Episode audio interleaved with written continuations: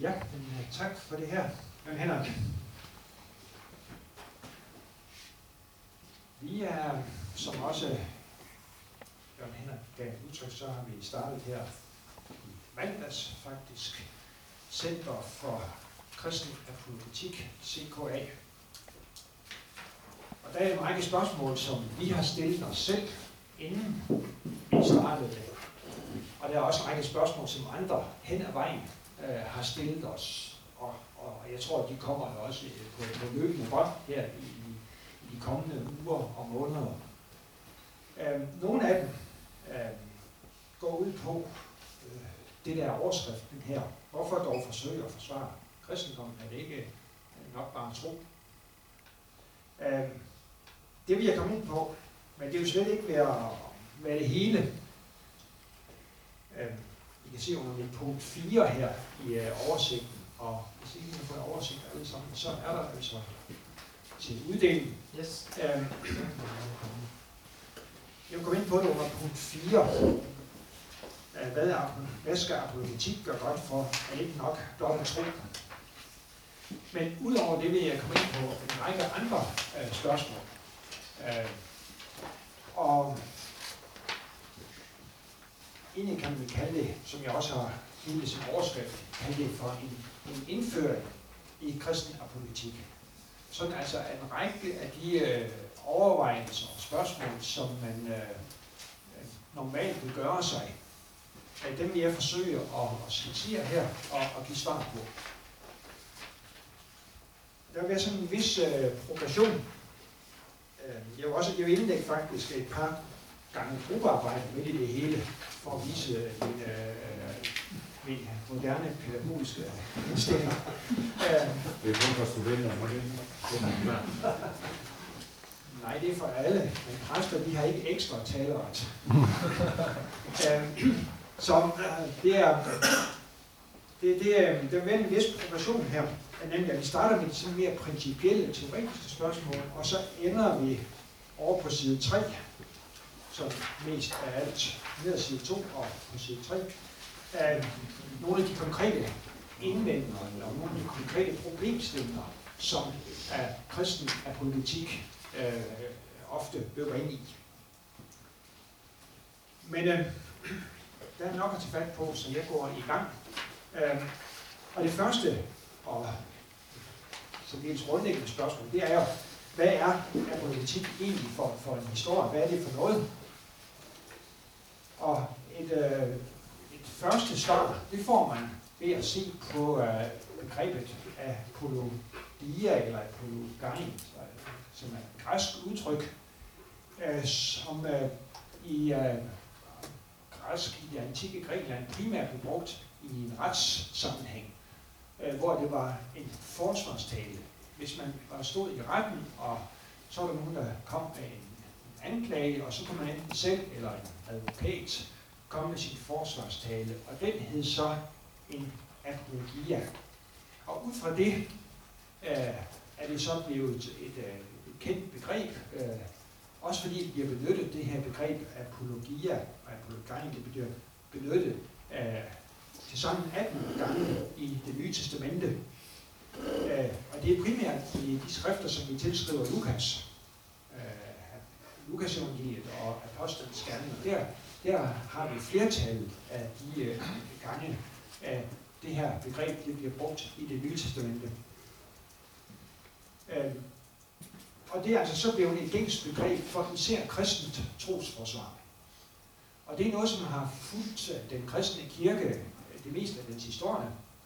Øh, I Oldkirken, der var der faktisk en gruppe forfattere i det første, i det andet, i det andet århundrede, som øh, fik øh, blev bekendt under betegnelsen af apologeterne. Og siden har så forsvar for den kristne tro øh, fuldt kirken øh, øh det af dens historie. Måske sådan med middelalderen som en delvis undtagelse. Fordi der var alle, man kendte til, der var nogle få jøder rundt omkring, men stort set alle øh, og hele kulturen, den var grundlæggende kristen. Og derfor øh, var det ikke særlig øh, nærliggende at drive apologetik. dog må man sige, at den store øh, romerske teolog, øh, katolske teolog Thomas Aquinas, han har skrevet en, øh, et værk mod kætterne, mod øh, versus heresis. Og, og det er sådan set også et apologetisk skrift. Men ellers er apologetik først kommet for alvor på mode med oplysningstiden, hvor øh, kulturen igen vendte sig bort fra kristendommen, øh, og så var det altså øh, basis for at drive apologetik øh, fra med oplysningstiden, altså fra med omkring år 1700. Nu er der forskellige former for apologetik. Man kan, man kan sondre på forskellige vis. Den første, jeg vil nævne her, det er sondringen mellem teoretisk og praktisk apologetik.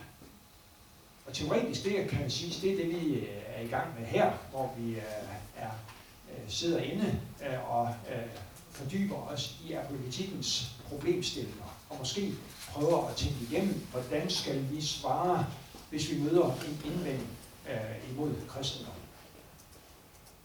Den praktiske apologetik, det kan være i samme øjeblik, vi kommer uden for døren, og der er en, vi møder en, som siger, altså, øh, kristendommen, det er altså en del af sund fornuft, og der er ingen gode argumenter for det.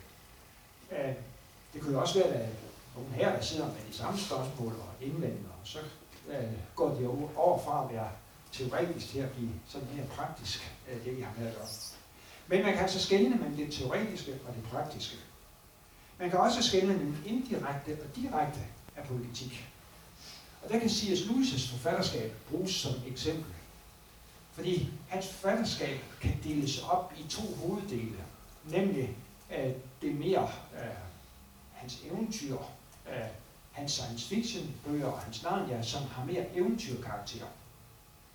Og så har han midt i det hele omkring fra 1940 til 45, som stort set, der har han en række bøger, hvor han direkte tager øh, apologetiske spørgsmål op og behandler dem teoretisk. Så her har vi altså en, øh, en, direkte direkte politik i hans forfatterskab fra omkring 40 til 45, og så på hver side, først med hans science fiction bøger i slutningen af 30'erne, og så derefter med Narnia-bøger, som kommer derhen fra omkring 50 og, og senere, der har vi hans indirekte apolitik. Og der er grund til at opfatte det som indirekte apolitik, fordi at han, det er jo kristne, det kristne begreber og kristne tankegang, der ligger under, også Narnia-bøgerne for eksempel. Sådan at når man senere som voksen møder evangeliet, så man tænke, også, det her det har vi hørt et gang, det har jeg hørt før. Og det er altså fordi, man har læst Narnia-bøgerne.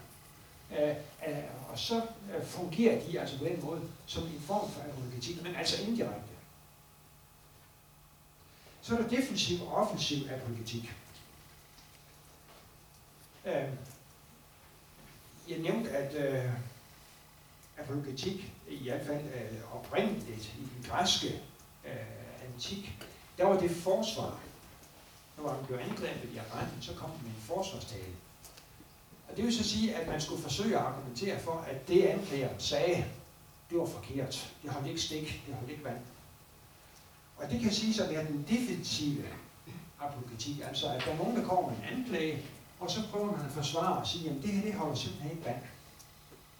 Det er en defensiv politik.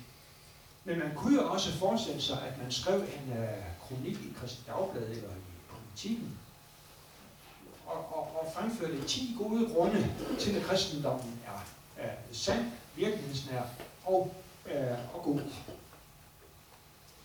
Relevant. Hvis man kom med sådan 10 gode grunde i, uh, i, i en kronik i, uh, i, i politikken, så vil det også være en form for apologetik, men altså en offensiv apologetik. Så altså den defensive, det er hvor man forsøger at at, at, at påvise, at de anklager, man bliver udsat for som kristen, eller kristendommen bliver udsat for, at de holder ikke stik. Den offensive, det er altså, hvor man går i offensiven og faktisk fremlægger, uden at tage hensyn til alle indvendinger, bare fremlægger de gode grunde, som vi nu har for, at kristendommen holder stik af sand. Hvad er så apologetikkens målsætning?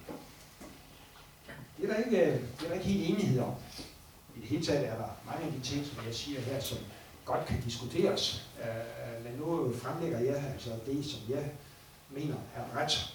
Øh, hvad, er, hvad er politikens målsætning? Der er nogen, der vil sige, at øh, målsætningen det er at, at bevise kristendommens sandhed. Har jeg faktisk mødt nogle amerikanske læsere, amerikanske apologeter, som vil hævde, at, øh, at øh, de kan bevise, at kristendommen er sand. Øhm,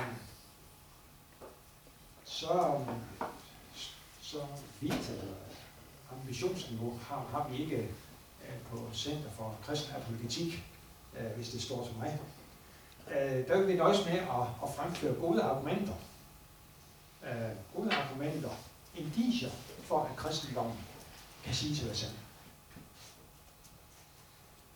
Øh, så er der dem, der vil sige, at øh, apologetikens mål, det er at skabe tro. Øhm, og det er det jo for så vidt også i sidste instans. Men øh, øh, det er nok for de færreste øh, mennesker, det er, man kan påvise, at det, at de har, har mødt gode argumenter for kristendom, det, det præcis, der fører dem til tro. Selv C.S. Lewis, som øh, for hvem de intellektuelle forhindringer var ganske øh, afgørende. Selv hos ham, når man læser hans øh, biografi, øh, hans selvbiografi og også andre bøger om ham, så kan man se, at, at det er rigtigt, at det, at der var nogle argumenter, han fik fjernet. Og det er sådan en anden mulighed, at man fjerner intellektuelle forhindringer. At når han fik dem fjernet, så var det ikke det eneste, der var færre. Nej, han øh, levede som engelsk universitetslærer. Der levede han i en sammenhæng, hvor man hver dag fik læst op af Bibelen. Det hørte med til simpelthen øh, livet øh, i Oxford som universitetslærer. Og han var også på et tidligt tidspunkt begyndt at gå i, i kirke igen, øh, efter han lang tid havde holdt sig væk fra kirken. Så altså, det er ikke sådan, at hvis man får fjernet de intellektuelle forhindringer, så medfører det automatisk tro. Men det kan gøre, i bedste fald sådan, at man når frem til at blive lytte til evangeliet. Sådan altså, at, at de ting, der før holdt en borte fra evangeliet, det er de væk, så man faktisk anser kristendommen for, at den måske er en legitim mulighed.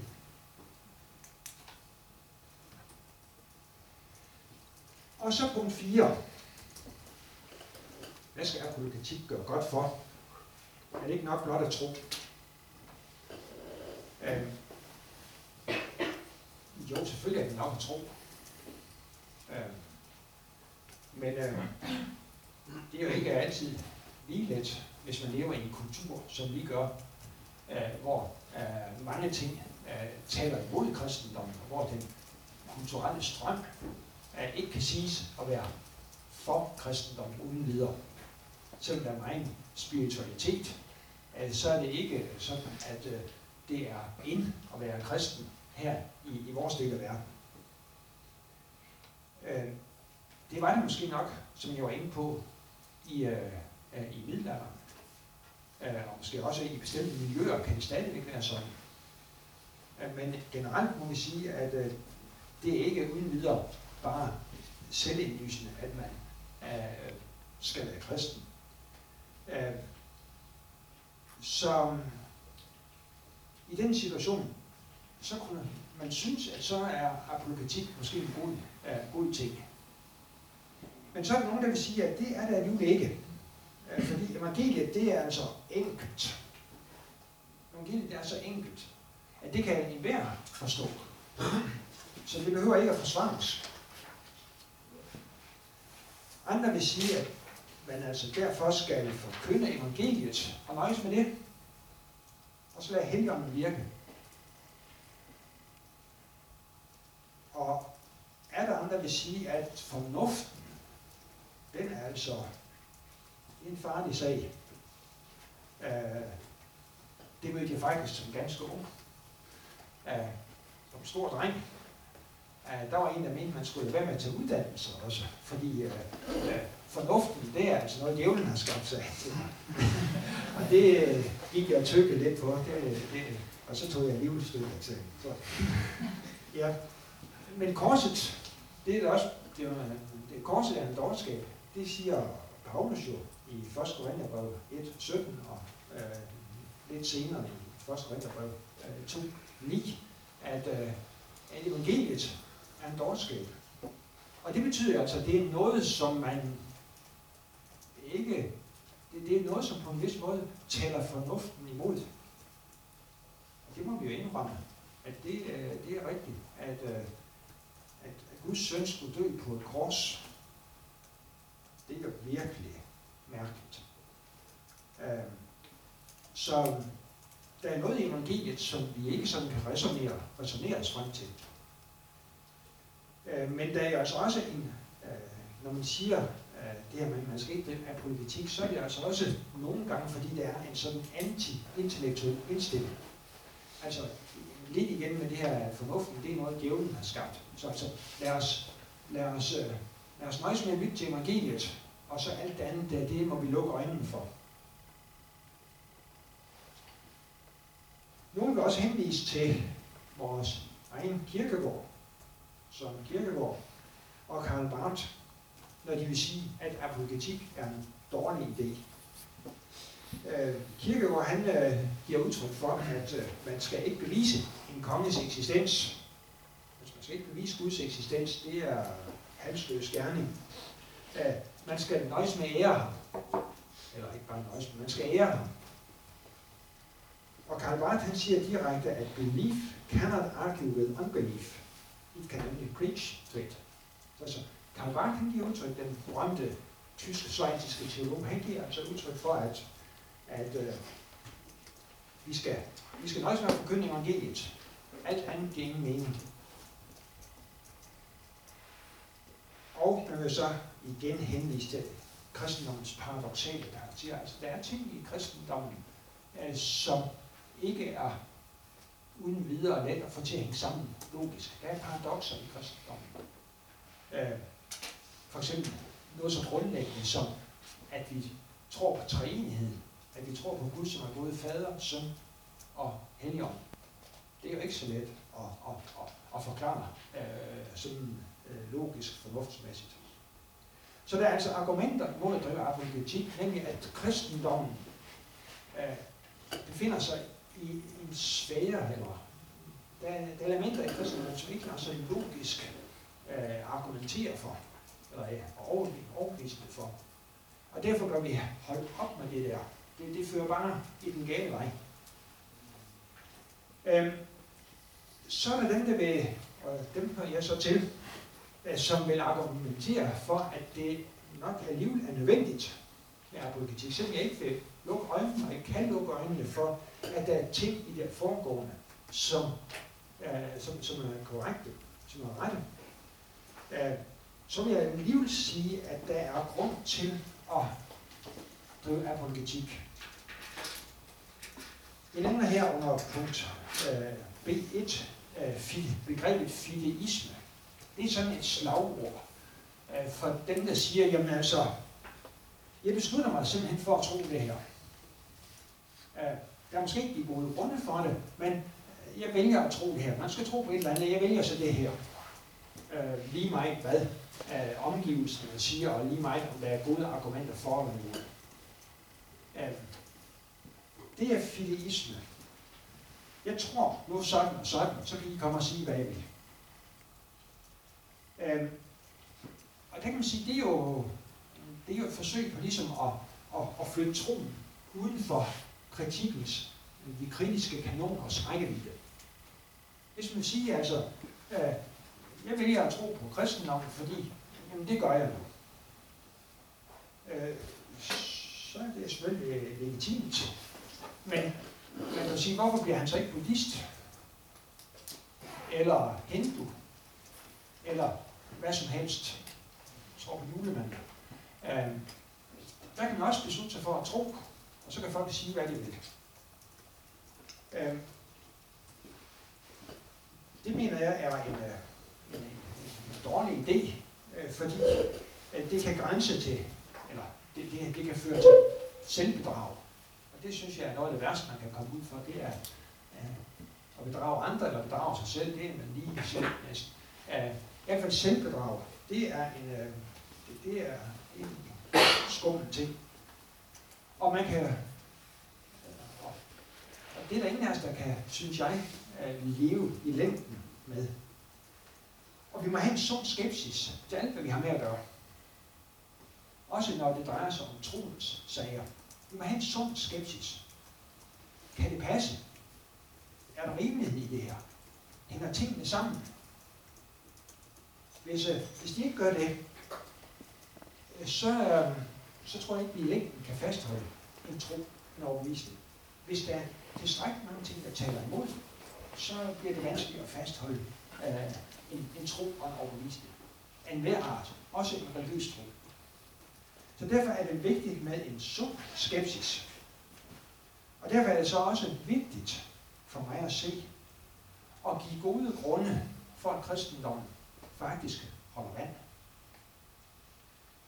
Og det er med til at give os frimodighed. Og det er så øh, nemt, når vi lever i en kultur, hvor der er mange, der er ting, der taler imod, så er der grund til og øh, pege på de ting, der rent faktisk taler for, der giver gode grunde. der gør kristendommen ikke giver bare vilkårlighed, men en velbegrundet tro. Og det er så den, det er de tre ting, jeg, jeg nævner her, at, øh, som er øh, grunden til, hvad, spørgsmålet, hvad skal apologetik gøre godt for? Det er hovedspørgsmålet under punkt 4 her. Hvad skal apologetik gøre godt for? Jo, den skal give kristen frimodighed i troen. Og den skal med til at give gode svar på medkristens spørgsmål. Det kan være os, der er forældre, bedsteforældre, når børn og børnebørn kommer og stiller spørgsmål om troen, skulle give dem gode svar. Velbegrundede svar. Og så også give gode svar på ikke-kristnes spørgsmål. For øh, når folk finder ud af, at vi er kristne, så vil de ofte komme og stille spørgsmål. Ja, ting, de ikke forstår eller indvender, som de har. Og så er det jo god til, hvis man har tænkt det igennem lidt på forhånd, og har nogle gode svar og give velbegrundede svar. Så ikke sådan, at man kan måske overbevise dem, at kristendom er sand, men sådan, at man i hvert fald kan vise, at nogle af de argumenter, som de har hørt i fjernsynet, eller set i fjernsynet og læst i avisen osv., at, at man kan vise, jamen altså, det har jo ikke nødvendigvis stik, det du har hørt der. Så apologetikken, den kan i den sammenhæng øh, fungere som det, jeg her kalder præ-evangelisation. Altså noget, som kommer før evangelieforkyndelsen. Noget, som leder vej, åbner døren op til, at man faktisk øh, får mod på at lytte til evangeliet. Så apologetik, det kan ikke erstatte forkyndelse og tro, men det kan være et redskab til, at man kommer inden for forkyndelsens rækkevidde, sådan at det ender med tro. Det er der masser af eksempler på. Altså, nu nævnte jeg C.S. Lewis selv, og man kan sige, at en del af hans bøger, hans apologetikbøger, for eksempel bogen Det er kristendom, som det hedder på dansk, der er, jeg har læst om mange, mange, mange mennesker, også stadigvæk i vores tid, som ved at læse den bog, har tænkt, jamen altså de indvendelser, som havde med kristendommen, de holder nok ikke stik. Jeg bliver nødt til at lytte lidt mere til det her. Og så hjem med at blive levende øh, kirkemedlemmer.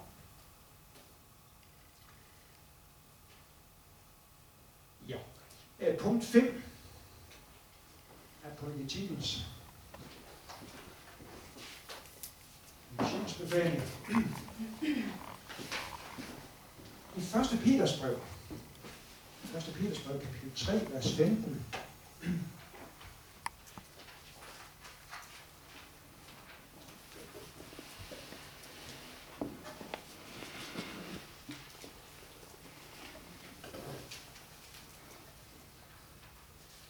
Første Peters brev 3.15. Der står der et, uh, der, der finder vi et citat, som er, er ganske centralt for apologetik. I hvert fald i vores tid. Øh, der står sådan, frygt ikke, hvad de frygter. Lad ingen redsel, men I skal hellige Herren, Kristus i jeres hjerte, og altid være rede til forsvar over for enhver, der kræver jer til regnskab for det håb, I har. Og det er altså det med, at I skal altid være rede til forsvar over for enhver, der kræver jer til regnskab for det håb, I har. det er, der bliver brugt øh, begrebet af apologia, apologein øh, i her øh, forsvar. Øh, og det er altså en befaling, som vi møder her. Øh, I hvert fald er det Peter, øh, apostlen Peter, der, der, der giver os den, øh, at vi skal altså altid være redde til forsvar over for enhver, der kræver jer, også til regnskab for det kristne håb. Og det viser altså, at apologetik, det er ikke sådan noget, vi selv har fundet på uh, nu her, når vi lever i en kultur, uh, som står kristendommen imod, i hvert fald en vis udstrækning. Det er noget, som har været på tale lige fra Nytestamentet tid af. Det er et bibelsk anlæggende. Man kan, tale, man kan egentlig tale om det som en nytestamentlig befaling, som apostlen Peter han giver. Og det viser der sig også, at hvis man går det nye testamente igennem, så er det altså øh, så, så er det fyldt med, med apologetik. Øh, Lukas skrifterne, altså øh, Lukas evangeliet og apostlenes gerninger, de kan forstås som øh, øh, forsvar eller forsøg på at overvise en, øh, en ikke-kristen og en ikke-jødisk, en græsk-hedensk øh, sammenhæng om evangeliets troværdighed. Om at den beretning om Jesus, at den faktisk holder stik, at den er værd at stole på. Øh, det samme gælder øh, Galaterbrevet. Der er det så ikke en, en, en hedensk omverden, men øh, andre kristne, øh, hvor man som er kommet på afveje, øh, som giver øh, belært her i Galaterbrevet. Så man kan tale om en, en, øh, en apologetik over for kristne brandlæger i Galaterbrevet. Og også Johannes evangeliet er efter manges opfattelse et, øh, et, et skrift, som har apologetisk karakter, nemlig at Johannes her ønsker at tale til, til en græsk øh, sammenhæng.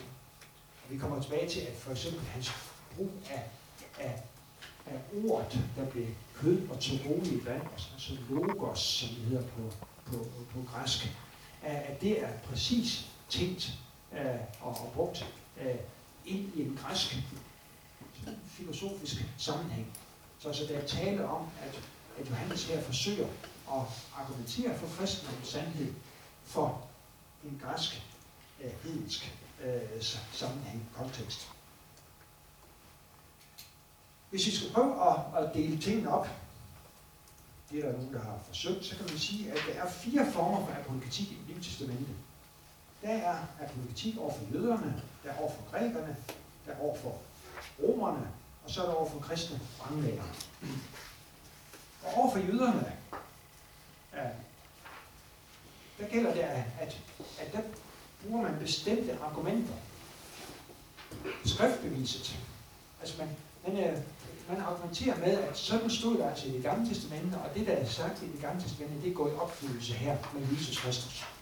Det er en kendt strategi, ikke mindst i Matteus er det helt uh, normalt, at det, der er sagt ved profeten, det er nu uh, gået i opfyldelse her uh, i Jesus. Så skriftbeviset og messianske tegn, altså at Jesus han uh, opfyldte nogle af de ting, som man kunne forvente, at Messias ville gøre. Det var noget, som gav, der, der, der gav mening over for jøderne. Og så opstandelse. Og de tre argumenter benytter man sig af, øh, eller former for argumenter benytter man sig af i det øh, nye testamente over for jøderne. Over for grækerne, over for hedningerne, øh, der benytter man sig af lidt andre elementer. Der er for eksempel skriftbeviser. Der giver det ikke rigtig nogen mening, for de kender ikke det gamle testamente.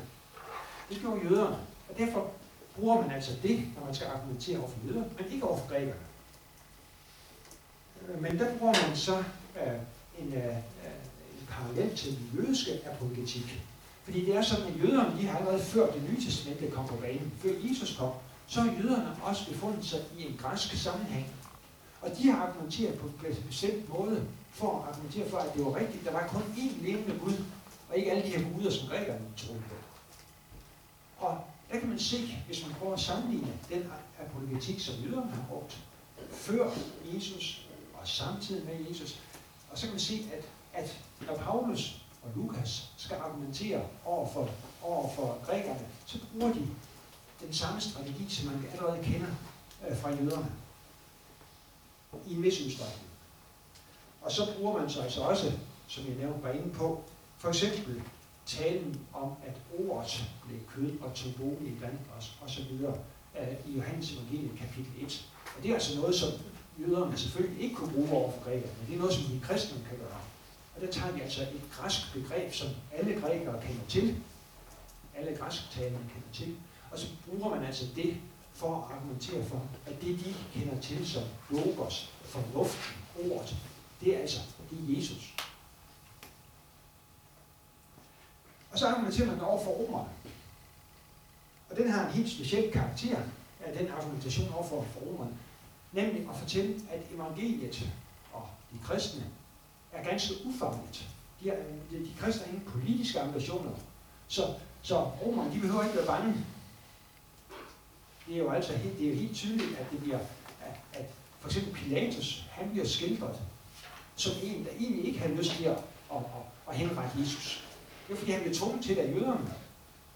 Og det er, når Paulus han i øh, Apostlenes Gerning skal argumentere over for Filippa og kong Agrippas og, og, og, og andre, så er det også hele tiden tydeligt nok, at, at romer, romermarken, den, den, bliver, øh, den bliver friholdt for kritik. Nej, det er jøderne, der var med til at sørge for, at Jesus han blev henrettet. Så altså, der er ingenting, de kristne og, og, og romermagten, de har ingen, øh, de har ikke noget, noget mellemværende ifølge det nye testamente. Og det er helt tydeligt, når vi ser både evangelierne og i apostlenes gerne. Og så som nævnt, så findes der altså også apologetik imod vranglæger, mod øh, kristne vranglæger. Øh, og det er det, som vi blandt andet møder, og primært møder i Galaterbrevet. Så er vi fremme ved punkt 6, apologetik i lyset af den aktuelle kultursituation. Og nu følger vi altså så op her og nu, der er en spring på et par tusind år, fra øh, Paulus øh, og romerne øh, og hedenskabet dengang til kristendommens situation her og nu. Øh, der må vi sige, at øh, det er ikke bare noget med apologetik at gøre det her, men altså, uh, kristendommen står altid i et vekselvirkningsforhold til den omgivende kultur. Uh, vi er en del af det samfund, den kultur, som vi lever i nu. Øh, og vi bliver påvirket af den. Filosofi, kunst, litteratur og mere. Og vi påvirker også den omgivende kultur. Jeg vil jo tro, at når vi har noget, der minder om en velfærdsstat stadigvæk her i uh, Nordvesteuropa, og man ikke har det i Japan, for eksempel, så er der andre end mig, der kommer på den tanke, at det er måske fordi, at de kristne grundværdier har sat sig i folket i en sådan grad, at man mener, at vi bliver nødt til at, for, for skam vi bliver nødt til at passe på de svage i samfundet. Det mener man ikke nødvendigvis andre steder. Og det er for mig at se et tegn på, at kristendommen har påvirket og påvirker stadigvæk også den, øh, den kultur, som vi lever i. Så, så vi, er, vi bliver påvirket, og vi påvirker. Og sådan er det. Men øh, den her påvirkning, som vi bliver udsat for, den øh, forandrer sig jo fra tid til anden. Den er, kulturen, den, den ændrer sig hele tiden.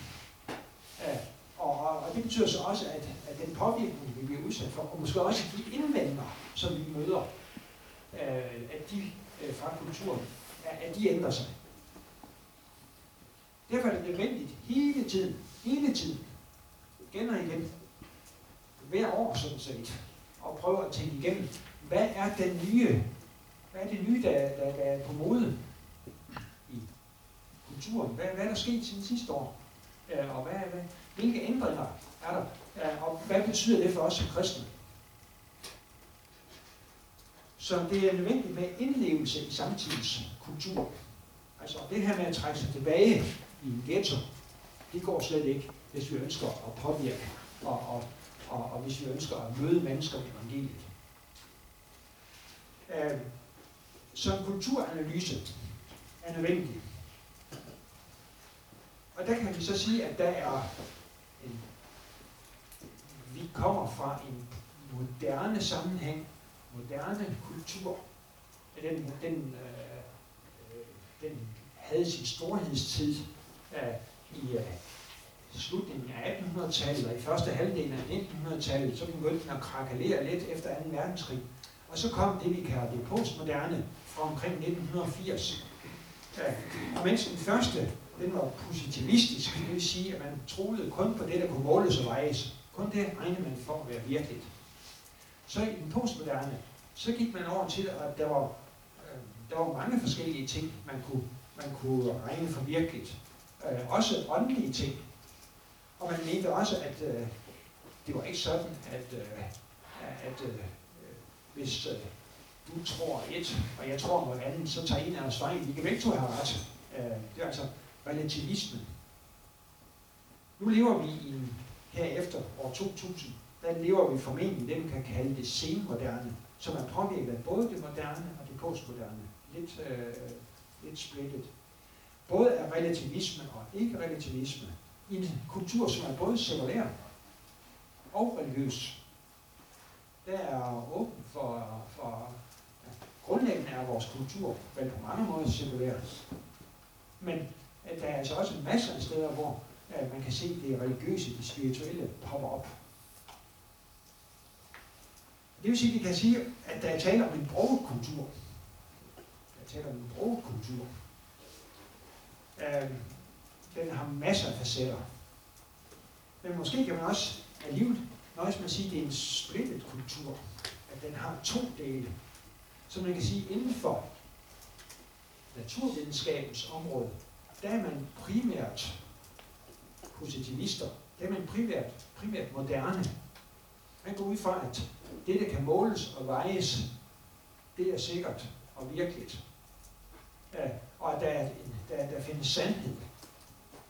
Der findes virkelighed, og der findes sandhed. Mens inden for de uh, mere uh, humanistiske øh, videnskaber, at der kan man, der kan man øh, tænke på en anden vis, nemlig at øh, der er ikke noget, der er sandt. Der er ikke nødvendigvis noget, der er virkeligt. Vi skaber hver for os, øh, hver for sig vores virkelighed. Og, og du kan tro på et, og, og jeg kan tro på noget andet, og det kan vi lige godt. Ja. Så den, øh, den, den øh, splittethed er der formentlig i kulturen her nu. Altså mellem det naturvidenskabelige moderne og øh, det øh, mere humanistiske øh, postmoderne. Overfor den her sammenhæng, øh, der må vi så sige, at apologetik er en reaktiv beskæftigelse. Øhm,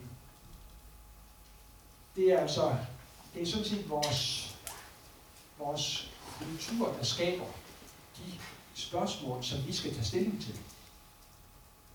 Øh, det, det hænger jo sammen også med, at, øh, at, at, at helt fra begyndelsen af, så betyder apologetik altså forsvarstale. Altså, det, det er de angreb, der bliver sat ind mod os fra vores kultur, eller udfordringer, som vi møder fra vores kultur. Det er dem, der ligesom giver os dagsorden. Og forskelligt, hvor forskelligt det kan være, det mødte vi allerede hos Paulus, og han siger, at jøder kræver tegn, og grækere søger visdom. Nu vil Paulus nok sige, at evangeliet er, er, er hverken, giver hverken svar på den ene eller på det andet, men at, at vi kan se, at indvendingerne er forskellige. Jøderne, de, hvis man skal argumentere over for jøder, så er det altså, så skal man påvise, at Jesus han lavede mirakler og opstod fra de døde. Men grækerne, de søger visdom. Det, det, de, de, de ønsker noget andet. Så altså, at politik er en reaktiv beskæftigelse. Øh, afhængig af hvilke indvendinger de bliver mødt med.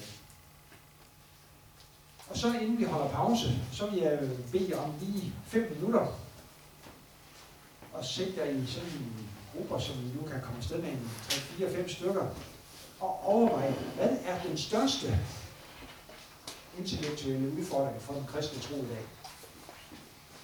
Og I kan skæve ned til punkt 8. Det giver jo 5 Der, der giver jeg fem valgmuligheder. Uh, om det er en af dem, det ved jeg ikke, om I synes, der er nogle andre, der er endnu mere uh, indlysende og alvorlige. Men altså, hvad er den største intellektuelle udfordring for den kristne tro i dag? Prøv at, at, at, at, at sætte jer. Øh, jeg vil ikke kræve jer til regnskab for det bagefter, men jeg synes nu, I er færdige, så er der kaffe.